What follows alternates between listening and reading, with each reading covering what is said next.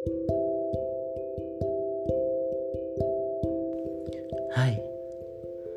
namaku Alan. Aku adalah orang yang senang bercerita dan menghayalkan sesuatu sebelum tidur. Kali ini kita akan ngobrolin tentang depresi.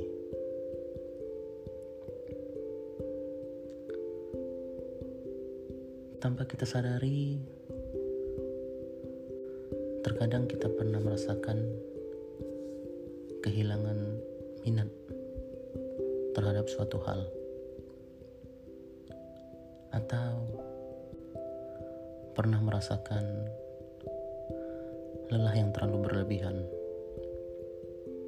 Baik itu beraktivitas ataupun pada saat bekerja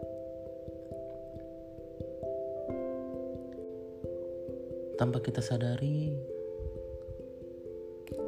ternyata itu adalah gejala bahwa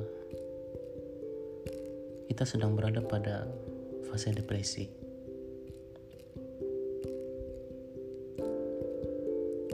Berdasarkan buku pedoman penggolongan dan diagnosis gangguan jiwa atau PPDGJ, ada beberapa gejala utama yang sering dirasakan oleh orang yang sedang depresi. Di antaranya kehilangan minat dan kegembiraan, berkurangnya energi, kemudian mudah lelah, serta menurunnya aktivitas.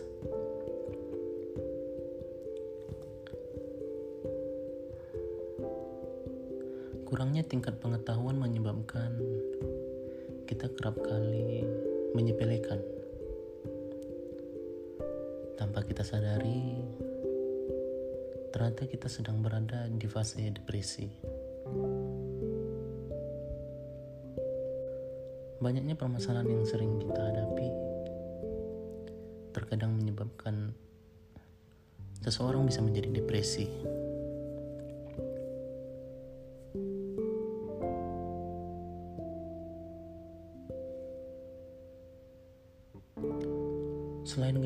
Atas, ternyata banyak juga gejala-gejala yang sering kita alami yang tanpa kita sadari juga ternyata salah satu gejala ciri bahwa kita sedang depresi.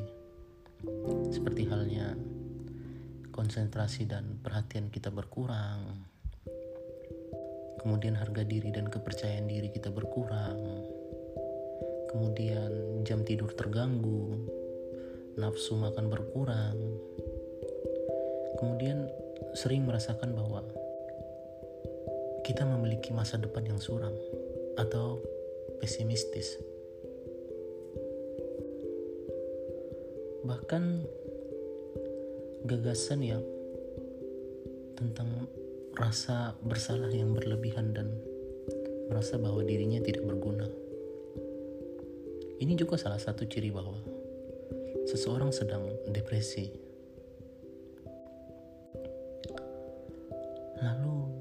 Kapan kita dapat dikatakan bahwa kita sedang depresi? Secara medis, seseorang dapat dikatakan depresi ketika gejala tersebut berlangsung sekurang-kurangnya dua minggu. Akan tetapi bisa lebih cepat kalau gejala yang dialaminya berat atau ya berlangsung sangat cepat dan mengganggu aktivitas. Tak banyak dari orang-orang yang tidak mengetahui akan terjebak dan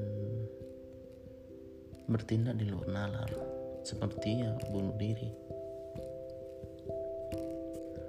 Orang-orang dengan depresi yang sudah berat tentu membutuhkan pengobatan secara medis untuk meredakan gejala dan menghindari hal-hal yang tidak diinginkan.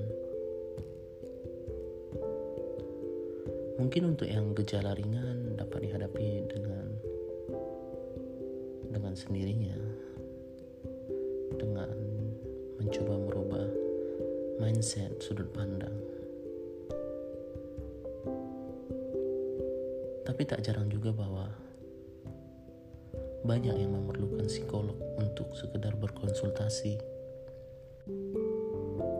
Berkonsultasi mencoba mencari tahu atau sekedar mencurahkan isi hatinya.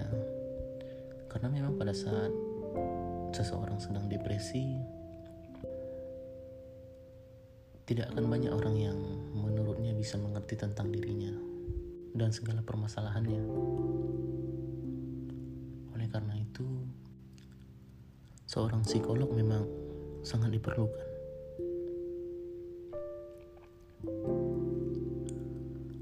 Pelajaran yang dapat kita ambil adalah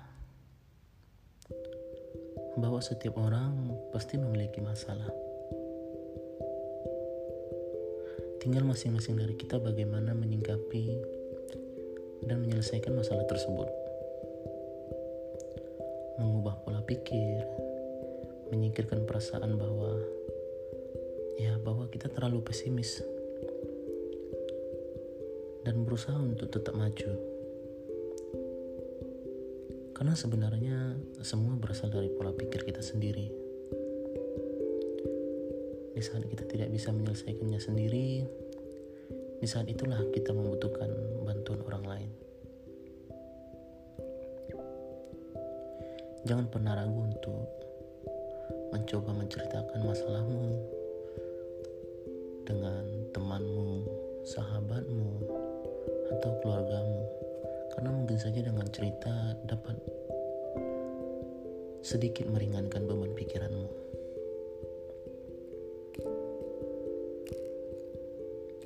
Dan tidak ada salahnya kalau kita bertanya atau berkonsultasi ke seorang psikolog bukan berarti kalau kita ke psikolog kita orang dengan gangguan jiwa ya bukan. Terkadang mereka lebih mengerti karena mereka sudah mempelajari tentang pola pikir masalah kejiwaan atau masalah mental. Lebih dari orang biasanya. Dan mereka bisa melihat walau dari raut muka saja.